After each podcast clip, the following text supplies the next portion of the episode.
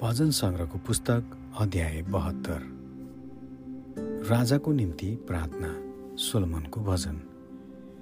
हे परमेश्वर राजालाई तपाईँको न्यायले युक्त पार्नुहोस् र राजपुत्रलाई तपाईँको धार्मिकताले।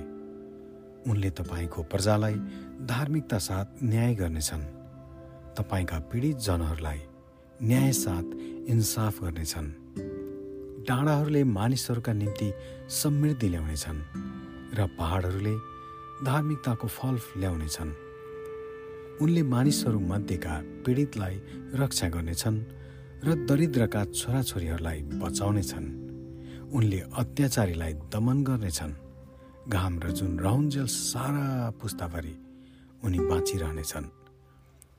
उनी काटिएको चौरमा परेको वर्षा झैँ हुनेछन्।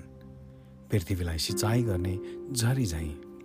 उनको राज्यकालमा धर्मीहरूको फलिपाप हुनेछ र जुन रहन्जेल उन्नति प्रशस्त हुनेछ। उनले एउटा समुद्रदेखि अर्को समुद्रसम्म या रुपमेटिस नदीदेखि पृथ्वीको सीमान्तसम्मै राज्य गर्नेछन्। मरुभूमिका जातिहरू उनको सामुन्ने झुक्नेछन् र उनका शत्रुहरूले धुलो चाट्नेछन्। तर्सेस र टाढाका सामुद्रिक किनारका राजाहरूले उनी कहाँ कर ल्याउनेछन्। सेवा र सेवाका राजाहरूले उनलाई भेटी चढाउनेछन्। सबै राजाहरू उनको अगाडि घोप्टो पर्नेछन् र सबै जातिहरूले उनको सेवा गर्नेछन् किनकि दरिद्रहरूलाई जसले पुकारा गर्छन् र सहायता नपाएका गरिबहरूलाई उनले उद्धार गर्नेछन्। कमजोरी र दरिद्रलाई उनले टिठ्याउनेछन्।